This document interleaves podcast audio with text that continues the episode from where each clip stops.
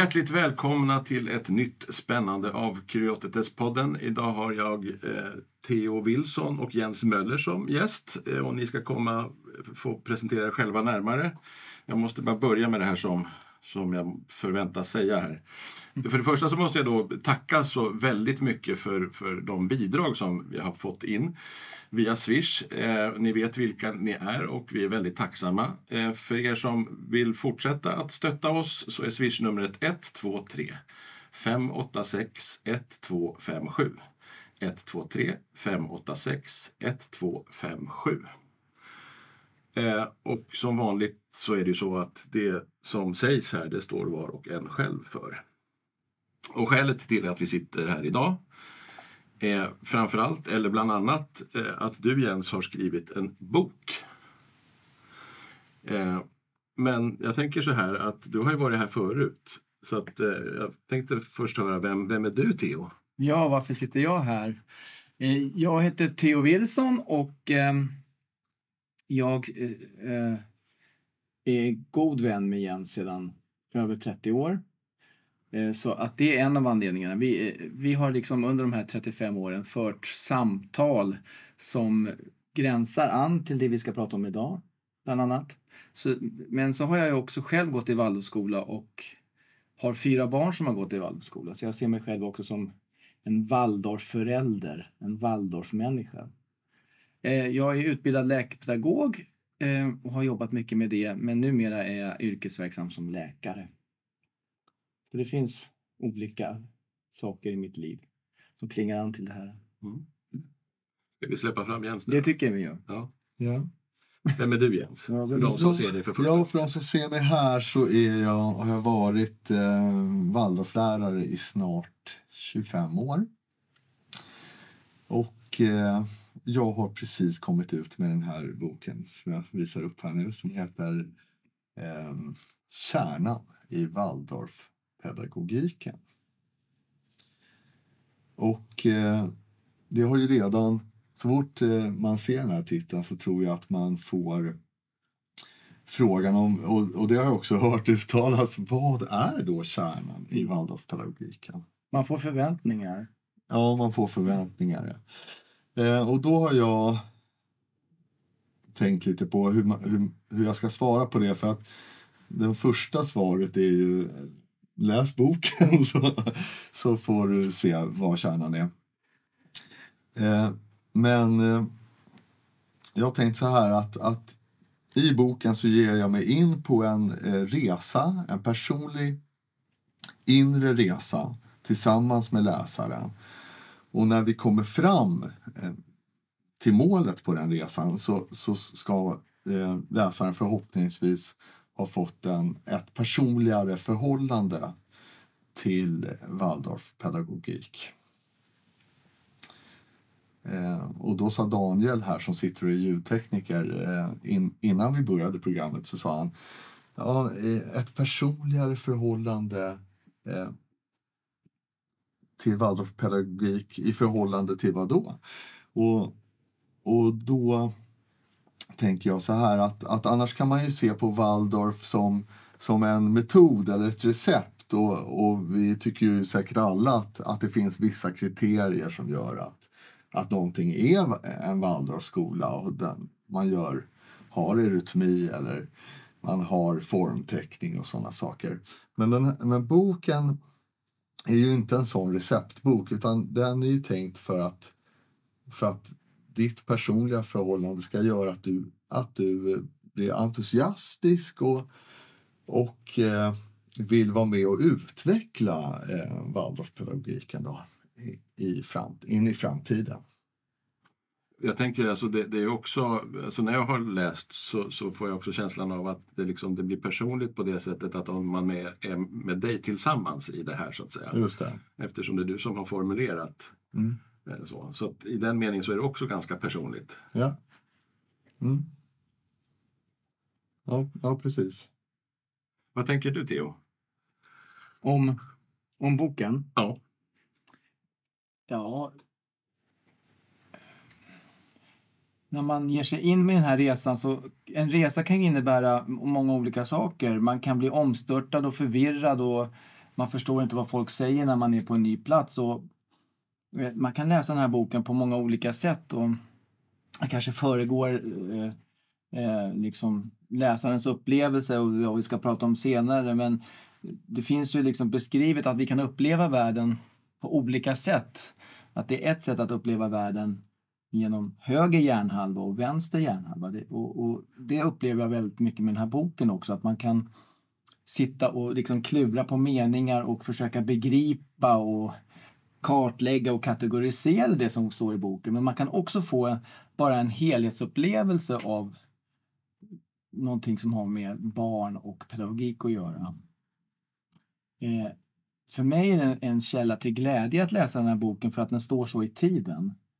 Och det, ja, Jens sitter ju här, han finns, du finns i tiden Jens. Ja. Och, och, det är så tydligt att det är en, en bok för våran tid nu. Det tycker jag är det som gläder mig mest med den här boken.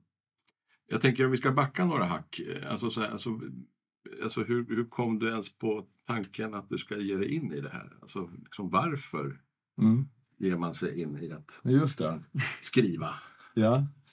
Jo, men det är ju... Eh det är ju på grund av den tid som vi lever i och, och, eh, och de liksom omställningar som, som Waldorfskolan har, har genomgått under de sista eh, snart 12 åren. Då. Vi, vi har ju en, en, eh, en egen läroplan som heter eh, En väg till frihet.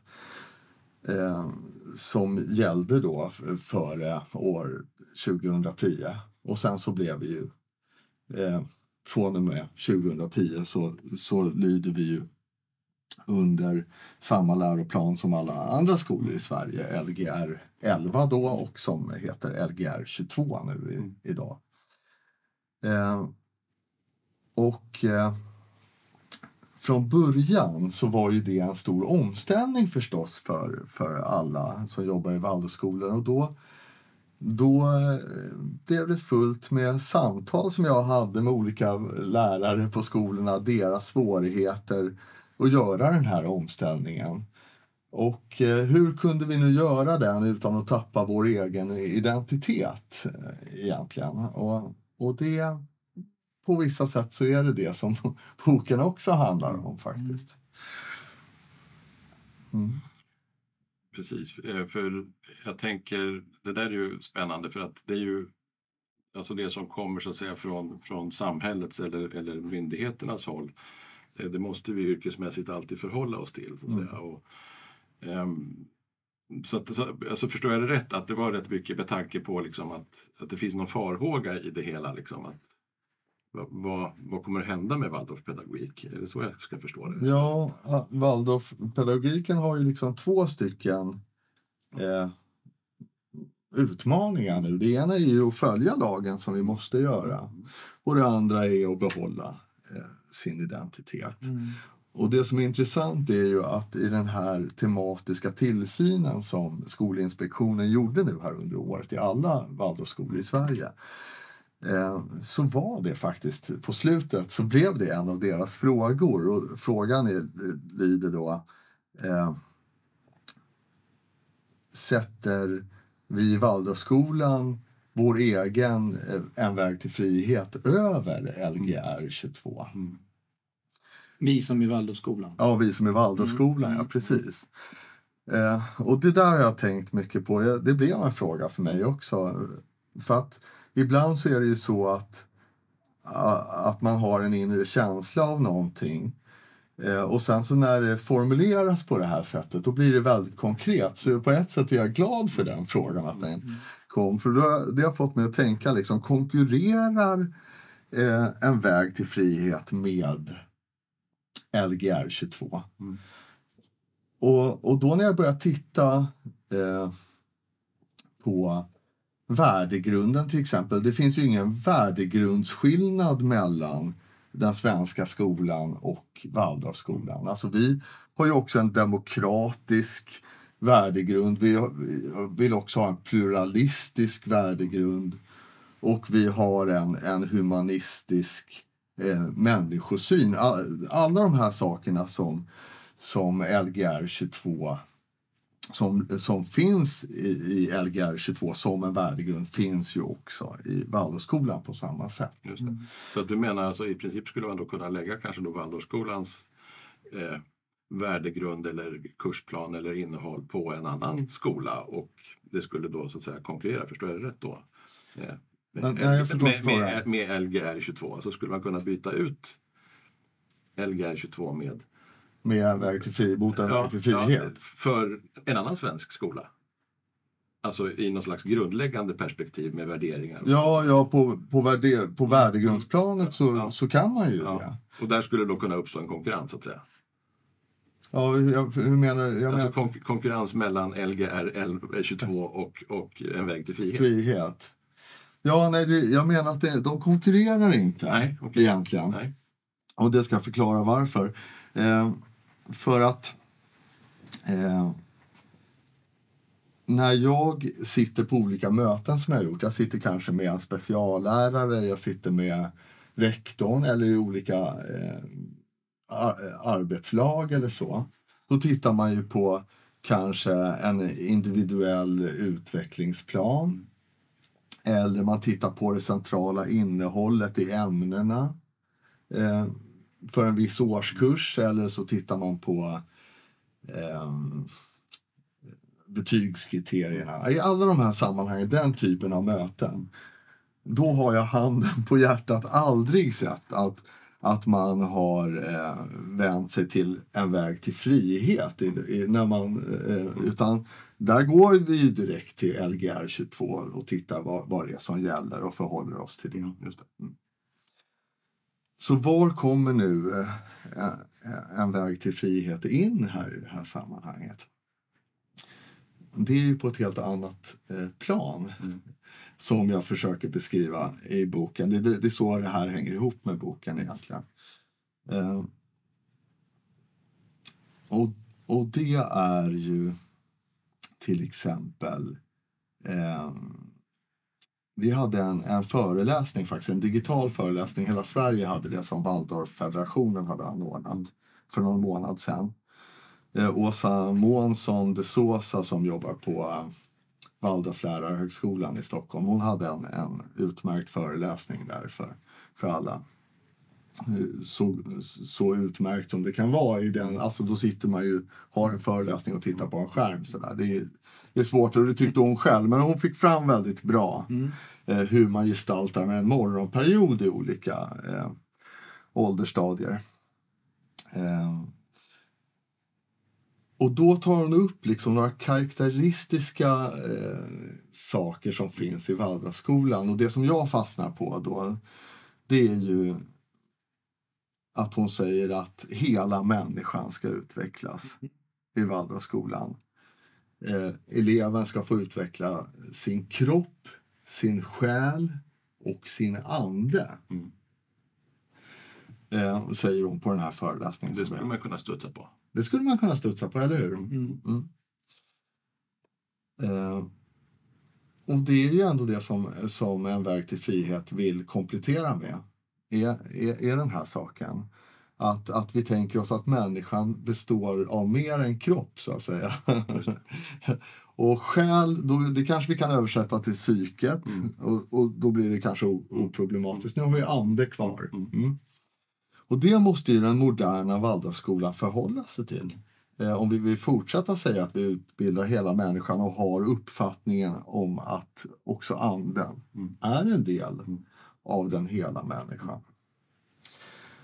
Och då har jag tänkt på, på Bo Dahlin som han pratar ju om det som eh, man kan kalla för sekulär andlighet. Eh, och, och då skulle jag vilja att vi, att vi liksom... Vi måste tänka på vad är en andlighet som är relevant för att ha med i skolan. Och det tänker jag att det har jag velat formulera så här. Det som jag i mitt innersta på ett innerligt sätt upplever som det meningsfulla. Alltså det som jag som ur, eh, mitt inre eh, leder mig eller ger mig en, en väg i, i livet, så att säga. Eh, och den här meningsfullheten, den andliga meningsfullheten, det tycker jag är, är hela eh, det är hela Waldorfpedagogiken i ett nötskal. Att man tänker liksom att det finns en andlig meningsfullhet i vardagen i den skapande skolan. Mm. Och att den, det är ju då i, i konsterna, det är liksom i berättelsen, de, alla de berättelser, fablerna, myterna som vi berättar för barnen. Det, och sen så tänker sig Steiner, eh, Rudolf Steiner, Waldorfskolans grundare, kanske man ska säga för säkerhets skull, att det finns i barnens egen fria lek. Där finns den här meningsfulla andligheten. Och, men också i de organiserade lekarna som vuxna lär barnen. Mm.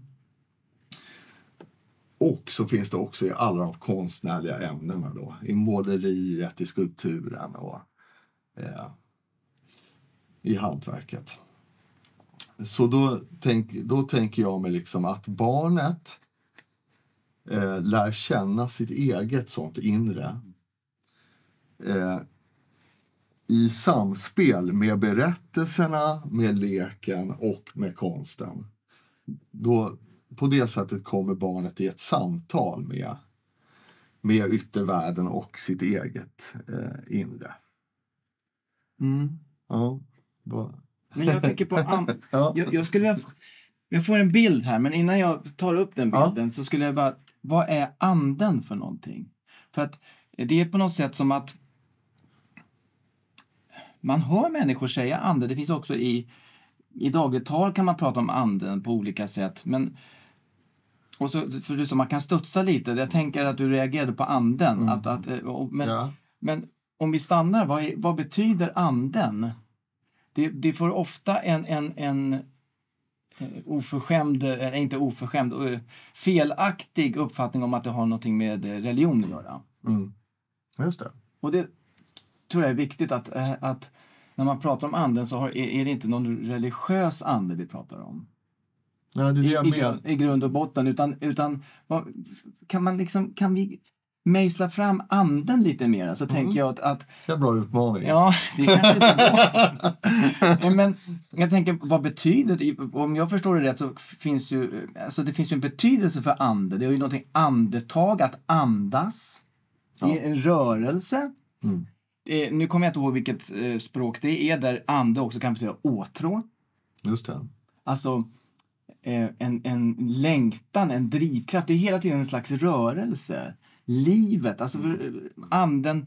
ehm, Alltså jag det tänk- som, som jag tänker när jag ser Horst Henrik här nu så Mm. ser jag att det är något som lyser ur dina ögon på något sätt. Mm. Vi Ja. hoppas på det i alla fall. Ja. Ja. men alltså, man får ju också en känsla, man tittar ju ut i världen hela tiden. Nu blir det en jäkla omväg här. Men, Ja, men ta men den. jag tänker så här, det här är någonting jag har tänkt jättemycket på. Att jag, när jag bara sitter och tittar så här nu. Jag ser en ljudtekniker där, jag ser saker omkring mig. Och så, så kan jag liksom, ja. Nu kommer jag ihåg när jag är tio år och kanske sitter och väntar på tåget någonstans och tittar ut och ser någon soptunna. och Den känslan av att skåda ut i världen, Mm. den är ungefär likadan nu som, som den alltid har varit. När jag var 10 år, när jag var 20 år, när jag var Mm. 40 år eh, och nu är jag ju mer än så. Alltså att det finns, här inne finns något evigt. Det är bara, så är det för mig. Det är en känsla jag har. Det finns något evigt här eh, som är fullt av liv Ja. på något sätt. Och, och här i det här området tänker jag att det som är anden, det är egentligen det vi menar. Den är livet också. Den är livet, den är rörelsen, den är längtan, den är fundamental. Mm. Det är det jag menar med meningsfull, den innerligaste meningsfullheten. Precis. Du, du, du sa ju någon gång att till mig så sa du så här, det var, det var en sån här förlösande fråga för mig. Ja. Då sa du så här, eh, hur gammal är den personen som tittar ut genom dina ögongluggar? Och, alltså, och det, det, att leva sig in i det, så, Ja. ja. det tycker jag är en fin sån. Den är tidlös. Ja, det, är det, jag, det, det, det. är det jag säger. Det är den känslan jag får nu. Mm. Men då tänker jag, om man tittar, om vi nu går tillbaka till det här. Mm. det här är bara nu målar jag upp en bild så vet inte om den passar in med det här som du har pratat Nej, om. Men, får skriva en ny bok. ja. om man ser, alla, alla vi har ju sett barn, liksom, man tänker sig ganska små barn som har lärt sig att gå och börja kommunicera med världen. Man tittar på barn, många barn som är två, tre år gamla. Då, då, då tänker man så här, de har ju allt. Mm. De har självförtroende, de har charm, de har livsglädje. Alltså, Mm. anden är på något sätt fullständigt närvarande. Men på något sätt så är den mera i perif- kring barnet än i barnet. Mm. Just det. Får jag en känsla av. Och att det där pedagogen kommer in på något sätt. Och så har vi sagt någonting om själen. Själslivet, psyket. Mm. Och vad har vi i psyket för någonting? Att nu har jag bara en bild här som jag Mm. berättar för er. Ni får stå ut där hemma också. Som, Mm. att själen är på något sätt det som är känslolivet. Just det.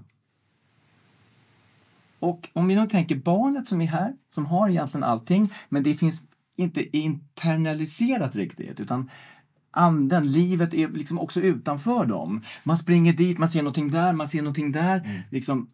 Och så börjar man umgås med andra individer med själslivet. Man Mm. får själsliga upplevelser. Mm. Och i den processen så internaliseras glöden tills när vi nu sitter här och uppför oss och springer inte efter för att vi ser att det är någonting som rör sig där borta. Mm.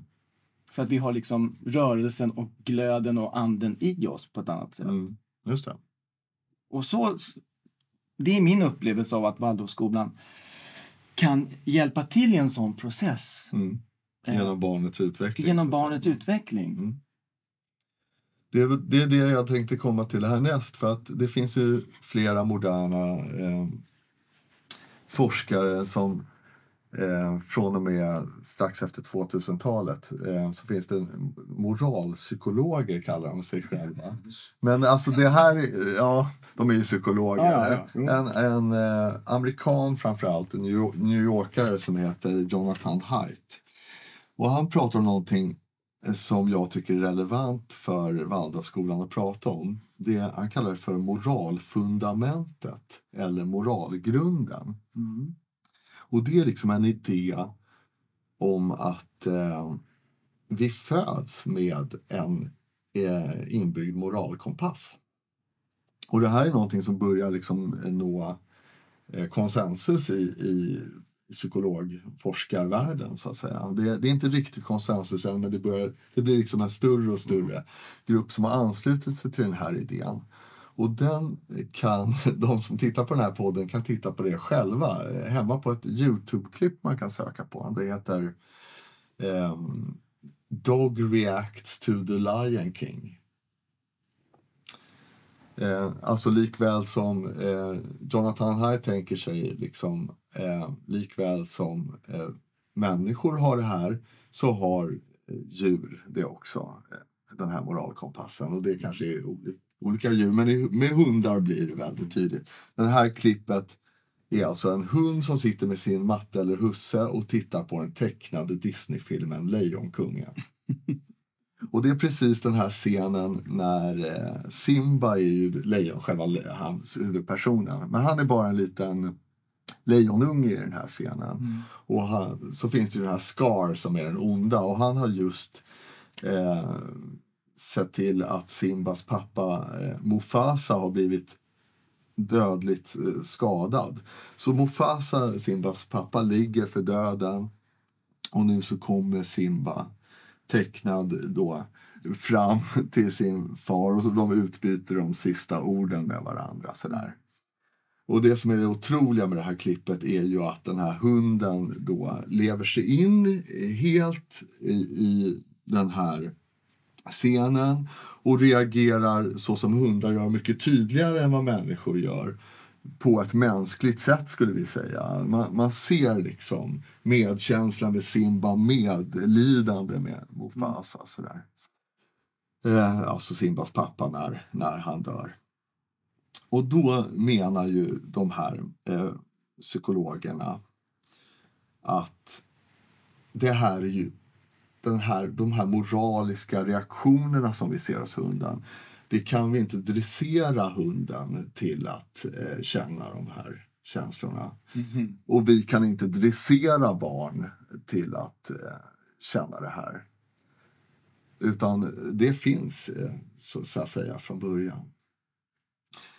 Eh, utan sen, men det som däremot eh, förändrar sig hos, hos eh, barnen eh, det är ju den kognitiva förmågan, så att säga. Ja, just det. Precis.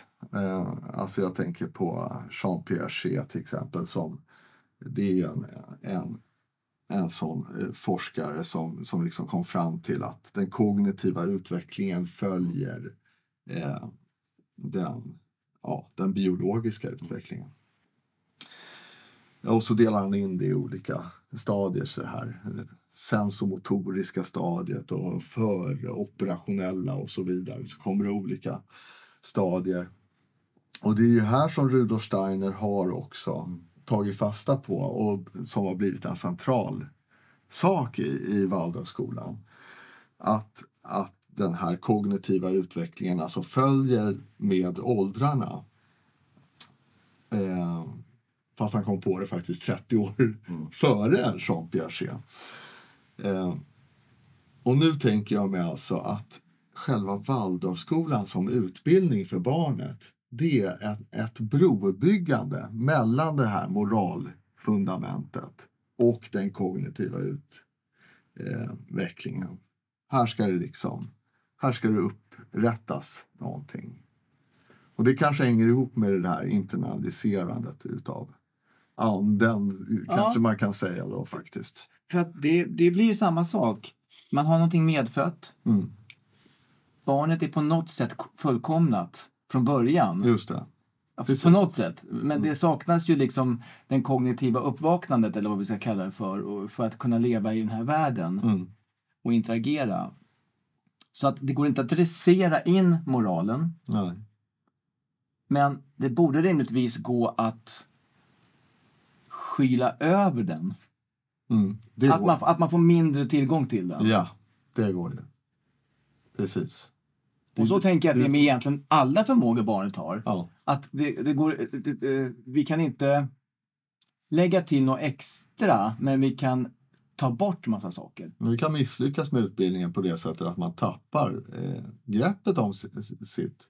För har man ett Sitt in- frö, Ja. har man ett frö som man ska plantera i jorden, i en plantskola kanske man jobbar och ska Mm. eh, Ja, driva upp växter. mm, Då finns ju allting som behövs finns redan i fröet. just det. Okej? Mm. Ja. Men nu måste vi tillföra någonting för att det här ska komma fram. Mm. Men det finns ju redan från början. Mm. Just det. Det, och, och, och, men, men, men gör vi fel så kan det bli växa dåligt. Mm. Vi kan ju glömma att vattna och det får ingen solsken. Och... Ja, och vi, så vi kan skylla över det här. Och där, då, då börjar jag förstå det här brobygget lite bättre. Mm. Alltså, alltså att man, man lite hämmar potential som finns där då. Är Mm. risken så att säga. Mm. Dels det, jag tycker man kan misslyckas på två sätt. Man Bara kan, två. Ja, min- minst. Men man kan ju motarbeta den här den potentialen som fröet har när, när. Mm. Eller barnet har. Eh, men man kan också misslyckas med att barnet får en möjlighet, för att barnet är ju inte ett, ett vanligt frö. Nej. Utan barnet måste ju få en möjlighet att lära känna sig själv då. Och sin egen potential. Och det är där jag tänker att alla de konstnärliga Mm. ämnena kommer in. Eh, som speglar mig i förhållande till det, det jag gör. Och i det konstnärliga, där blir det ju, om du sitter och målar eller skulpterar, då blir ju det korrektur i förhållande till dig själv. Men i lekarna, där får du ju korrektur i förhållande till andra eh, barn. Så det är därför alla de här olika sakerna Mm. eh, kompletterar ju varandra och är en sån viktig del av skolan. Om vi bara sitter och gör teoretiska ämnen, då, då går vi miste om hela den här möjligheten för barnet att möta sig själv på de här olika sätt. Och då skulle man kunna säga att då riskerar man att det blir andefattigt. Ja, ja.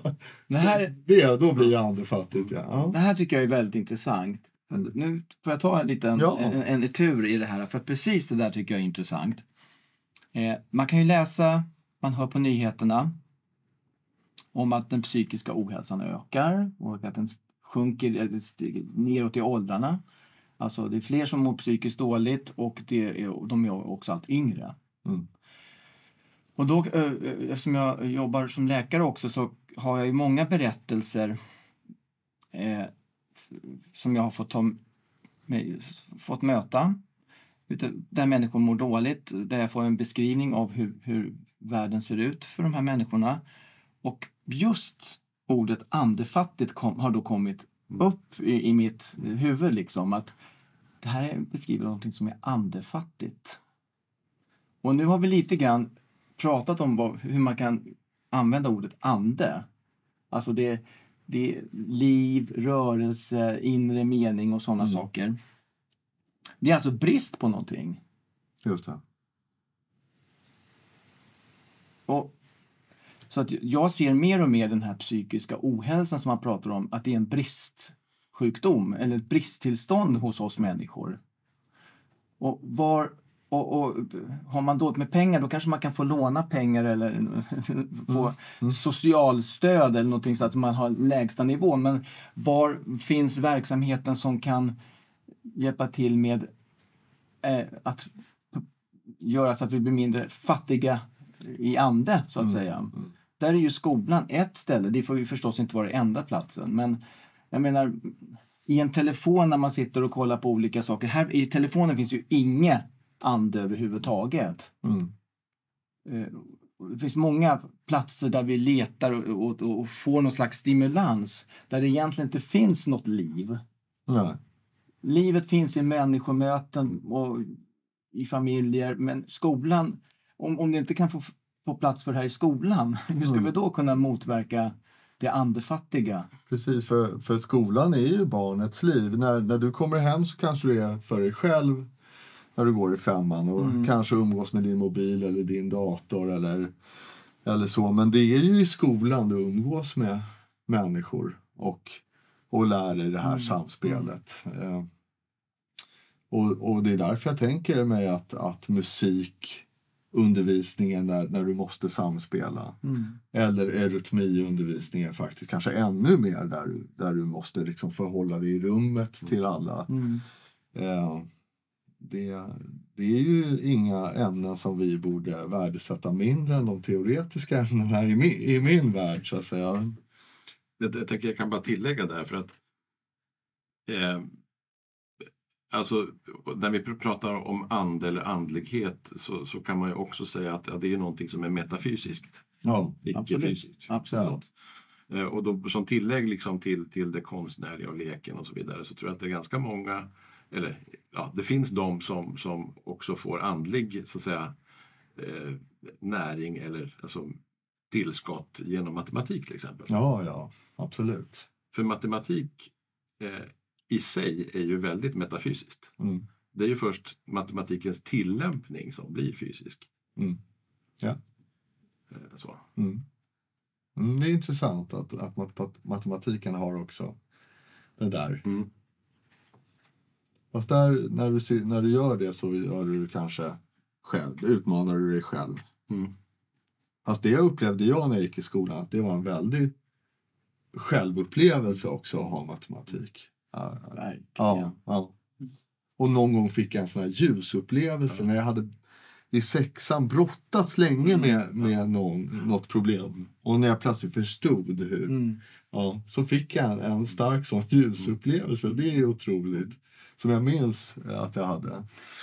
det som Horst tar upp här skulle man kunna prata om hur länge som helst. Ja. Att, att kanske framförallt i Waldorfkretsar att man tänker att, att det andliga sker bara på konstnärliga Mm. lektioner. Mm. Och sen, så, ja, sen, kan de få, sen kan barnen få ha lite teoretisk Ja, ja, utbildning också. Att den ska vara tråkig eller torr. att, att den inte heller är, Grå. att det inte är någonting djup, som du Mm. säger, att det Mm. finns något djupare egentligen. Det finns ju i varje stund vi lever finns det alltid ett, ett annat plan. Ja. Mm. Ja, för det skulle jag vilja påstå. Att Mm. alltså, man kan identifiera liksom det andliga, det levande i, i faktiskt allting. Alltså Mm. på olika Mm. sätt. Verkligen. Mm. Och, och, och så, någonstans där vi inte har något problem att prata om de här sakerna, det är just i det konstnärliga, kulturella. Alltså, Ja, alltså man tänker sig liksom filmer, teater Mm. Ja. och så vidare. Alltså där är det ju inget problem att, att Nej, och förstå det. det. För då Nej, alla har fått nej, en sån, en sån stark Mm. blivit berörda av något. Va? En berättelse eller Mm. en film eller en teaterpjäs. Alla har den upplevelsen. Precis. Men när man börjar luska så här, då har, kanske man har blivit berörd av, ma- av matte Ja. faktiskt. Så Och, det kanske är en utmaning att man ska få den upplevelsen mera i de naturvetenskapliga ämnena. ja. Nu jobbar ju inte du med det. Nej, jag gör inte det. Så, men, För- för- men jag ser ju Daniel Andersson på min skola Ja. som jobbar mycket med, med den här eh, projektiva geometrin där, Mm. där eh, Waldorfskolan återigen försöker verkligen konstnärligt gestalta den, en del, Mm. den typen av ämne. Mm. Så det tror jag, och, och, där, och så går, när man går ner i de lägre klasserna så har vi den här formteckningen som, som leder över sen i, i geometrin. Mm. Där vi börjar förhålla oss till de olika matematiska faktiskt kropparna.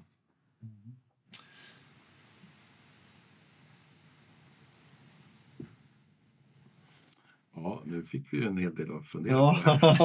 på. Och då sitter jag och tänker, vart ska det här ta vägen då? Eh, ja, hela det här. Ja, men på något sätt så är ju det. Du sa ju när du själv läste boken att ja, det här är på något sätt ett inlägg i debatten. Mm. Och det är det ju på det sättet att, att det är någonting i det här i det här resonemanget som ändå leder fram till att vi inte kan rangordna de olika ämnena i skolan utan allting är på något sätt lika viktigt. Och, och, och när man börjar prata om psykisk ohälsa och, Mm. och tar det perspektivet då blir det ju också lika viktigt för den enskilda människan och också för hela samhället. Det känns som att, att det är bara en tidsfråga till det på något sätt blir nödvändigt att, att ta de här resonemangen på allvar. Och det, och det är väl det som, som boken på något sätt vill, vill få fram Mm. genom sina otaliga exempel. Du, jag vill bara fråga dig, blev du klar med den här jämförelsen mellan Lgr 22 och En väg till frihet? För jag började prata om barnet och glöden. Och Nej, men jag blev nog färdig med, med det. jag förstod den egentligen. inte riktigt för att eh, pra- vi pratade om att du pratade om att när du sitter på möten Mm, eh, i skolan ja. Då, då, då använder ni Lgr 22 R22. som en slags karta, som en slags grund för vad, vi håller, vad vi håller på med. Ja. När använder du eh, En väg till frihet? Ja, det, det tänker jag mig att, att där, där kommer ju alla de här tankarna kring det som vi har beskrivit Mm, här in. Mm. Hur man kan eh, göra konstnärliga ämnen. Mm. Mm. Men eh, Rudolf Steiner pratar inte bara om att göra konst utan han pratar väldigt mycket också om att gestalta alla ämnen på ett konstnärligt sätt. Mm. Och, och det är ju där som, som en väg till frihet kommer in. Det, det, det är det jag menar med moralgrunden, brobyggandet Mm. till den kognitiva utvecklingen. Här är hela det fältet som, som en väg till frihet Mm. eh, försöker att, eh, vad ska vi säga, beskriva och, och eh, leda läraren i, i, i sitt arbete och förhålla sig till de råd och, och eh, ja, eh, ja, beskrivningar som finns. Mm.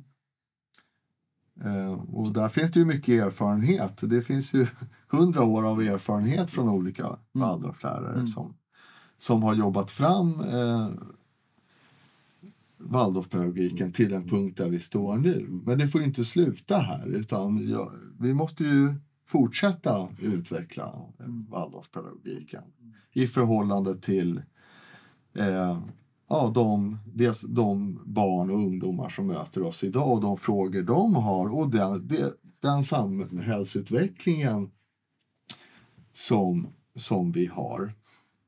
Jag kommer ihåg att när jag själv gick på eh, Waldorflärarutbildningen så sa då kom eh, Hans Möller och, och gästföreläste och då sa han att Som inte är släkt med dig? nej, han är inte släkt Nej, med mig. Just det. du där. bara säga lite vem, vem är Hans Möller?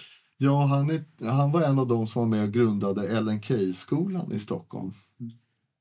Och har ju skrivit flera böcker själv eh, om, om eh, den här typen av, av frågor, filosofiska frågor.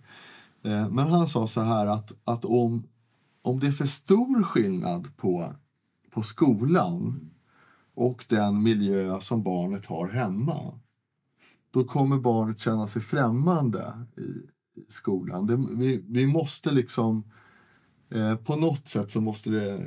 Du kan inte komma till en helt främmande värld.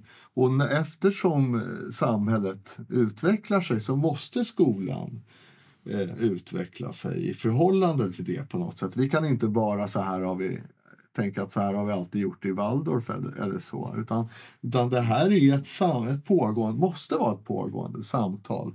För annars har, skapar vi inte en miljö där barnen kan, kan komma och känna sig hemma. För då är de ju, känner de sig inte hemma, för hemma är ju på ett helt annat sätt. Så, så där, det blir en naturlig utveckling av, av Waldorfskolan, tänker jag mig. I, ifall vi kan förhålla oss på det här eh, friare sättet som jag försöker beskriva här så, så har vi möjligheten att, att öppna oss eh, för hur, hur vi ska utveckla det här vidare. Och Steiner säger ju också att eh, det läraren egentligen ska göra är att eh, lära sig att läsa ur barnen hur han eller hon ska undervisa. Mm. Det är en ganska intressant eh, aspekt. För att det, det visar ju på Steiners eh, väldigt höga krav på läraren. Att den ska, den ska liksom eh, den ska bli bra på någonting som den inte är eh, kanske från början, eller hur? Som man knappt förstår från början ja, vad det du betyder. måste, det, det är en, en väldigt speciell typ av iakttagelse tror jag. Alltså, det där skulle man väl då kunna säga att alltså, apropå kokbok och, Ja. och inte att, att det är det som kanske skiljer då en, en kunskapsförmedlare eller liksom någon som, som så här förmedlar fakta Mm. Ja. och pedagogen så att säga. Mm. Just det. Eh, lite. Att eh, jag kan liksom läsa till och så, så, så lyssnar du på mig och så har du hört vad jag har sagt. Just Det är det. på ett sätt. Men, men om, om jag då bara läs, läser till och du, jag märk, märker inte att du liksom hänger inte med. Nej. Så. Att, att det är där någonstans liksom. Att, Då kan jag egentligen byta ut dig Mm. mot en app eller ett Ja, dataprogram. ja, Eh, För, ibland så hör man ju lärare som kanske är lite trötta under någon period som säger att ja, vore inte för, ja, vad jobbiga de är i den här klassen eller vad jobbig den här eleven är eller så. Men, men det säger jag ju här i, faktiskt i boken att, att det är ju tack vare de här lite bråkiga eleverna. De garanterar oss att vi får, får fortsätta ha ett, ett arbete. För det är det som är det verkliga arbetet som Waldorfpedagog. Att utveckla och förvandla dig själv så du kan faktiskt se hur du kan komma vidare med den här svåra eleven eller den här svåra gruppen. Mm. Och det kan ju inte en, app eller, eller ett dataprogram göra. nej, nej, precis. Alltså, jag har inte så mycket erfarenhet av, av, av det pedagogiska på det sättet. Men, men alltså i mitt yrke då, i, i det läkepedagogiska till exempel. Alltså, då är det ju ofta alltså den, den personen som behöver mitt stöd i vardagen blir ju min bästa lärare. ja, Så att säga. ja, Alltså att jag kan Precis. lära mig väldigt mycket i, i mötet med, ja. Och jag antar att det kan, alltså det är lite grann det du pratar om också så att säga, i förhållande till Det är precis. lär- Det är lärarrollen. precis det. Du får ju självinsikt genom att möta svåra elever eller svåra Mm. eh, grupper.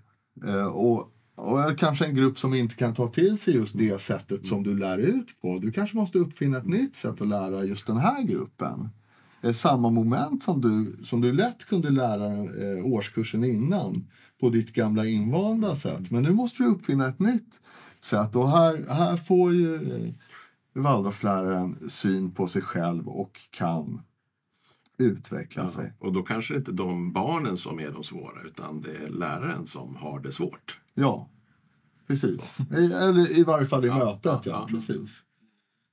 Eh, och det där tycker jag är så intressant att, att eh, Rudolf Steiner redan från början i, i eh, allmän människokunskap pratar om hur läraren egentligen måste förvandla sig själv. Mm.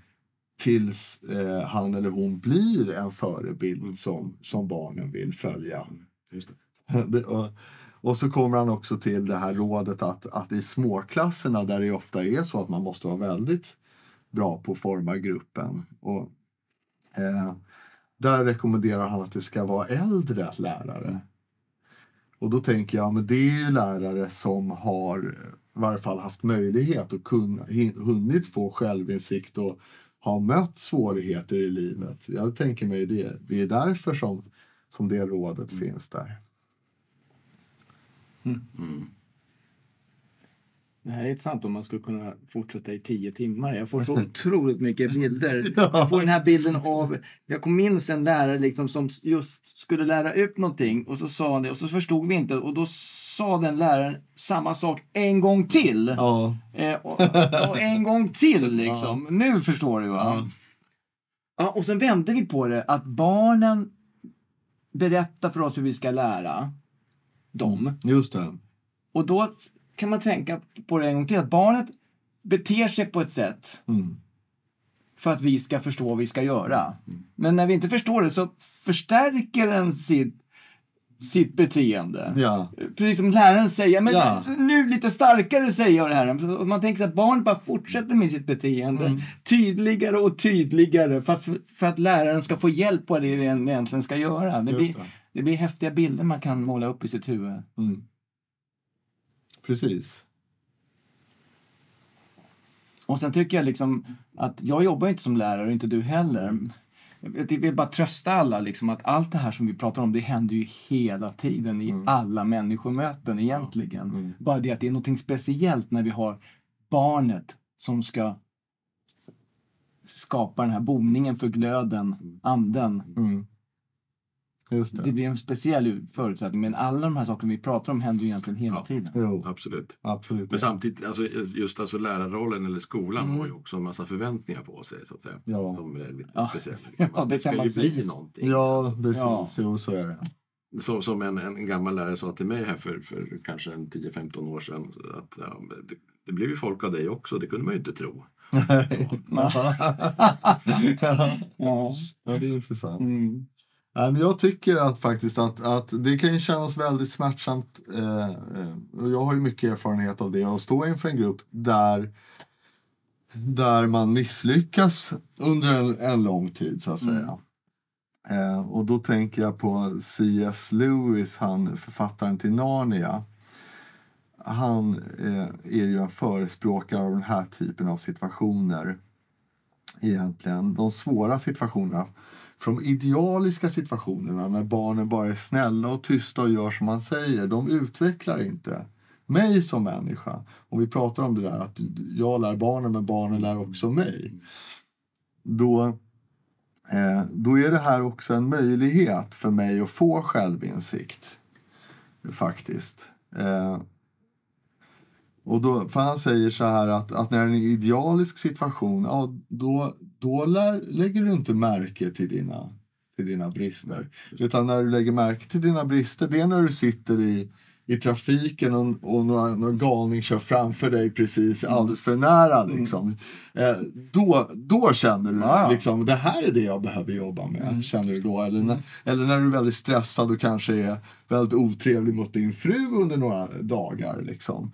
Eh, Då ser du, okej det här är det är då du får självinsikt när, när du har en sån situation framför dig egentligen. Och så kan man se hur man kan gå vidare med det. Jag tänker att, att det, det börjar ju bli dags liksom att vi ska försöka runda av lite grann här. Eh, För att alltså, jag känner att vi skulle kunna fortsätta Verkligen. några timmar till. Mm. Eh, Men eh, alltså för, för det som jag upplever som, som är ett ständigt tema i boken och, och lite grann också en, en fråga som är aktuell idag, det är just det här att, alltså, det är min tolkning här nu, men liksom att det finns en risk att det tippar över åt det ena hållet så att säga. Mm. Alltså att, att det som vi var inne på, att det, det liksom blir väldigt mycket eh, liksom fakta, konkret struktur och så vidare Mm. och riskerar att bli andefattigt. Mm. Så att, alltså att eh, liksom utmaningen ligger i att, att liksom hitta balansen och inte Mm. tappa varken det ena eller det andra. Just det, precis. Mm. Mm. Det är väl en bra... Det tycker jag är en bra sammanfattning. ja. Jag håller med Ja. också. Ja, jag håller med också. Det är balansen.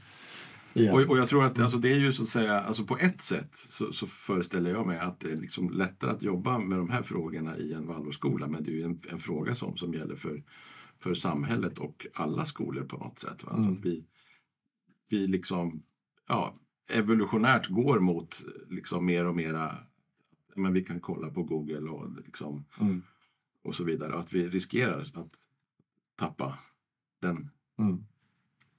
luftiga andliga sidan. Mm. Vill ni säga något? Jag tror att vi får... Jag, jag tänker att... Jag tycker att det är en bra sammanfattning. Jag tycker också det. Jag tycker vi ska... Vi, vi kanske kan träffas igen och Mm. prata om, om det här. Ja. Jo, men alltså, kan jag, för att- det ser jag fram emot. Mm. Ska vi säga så? Vi Ja, säger jag så. tycker det. Ja. Det blir som en cliffhanger. Kanske att vi ses igen. Ja. Ja. Tack så mycket. Tack ska ni ha. Tack för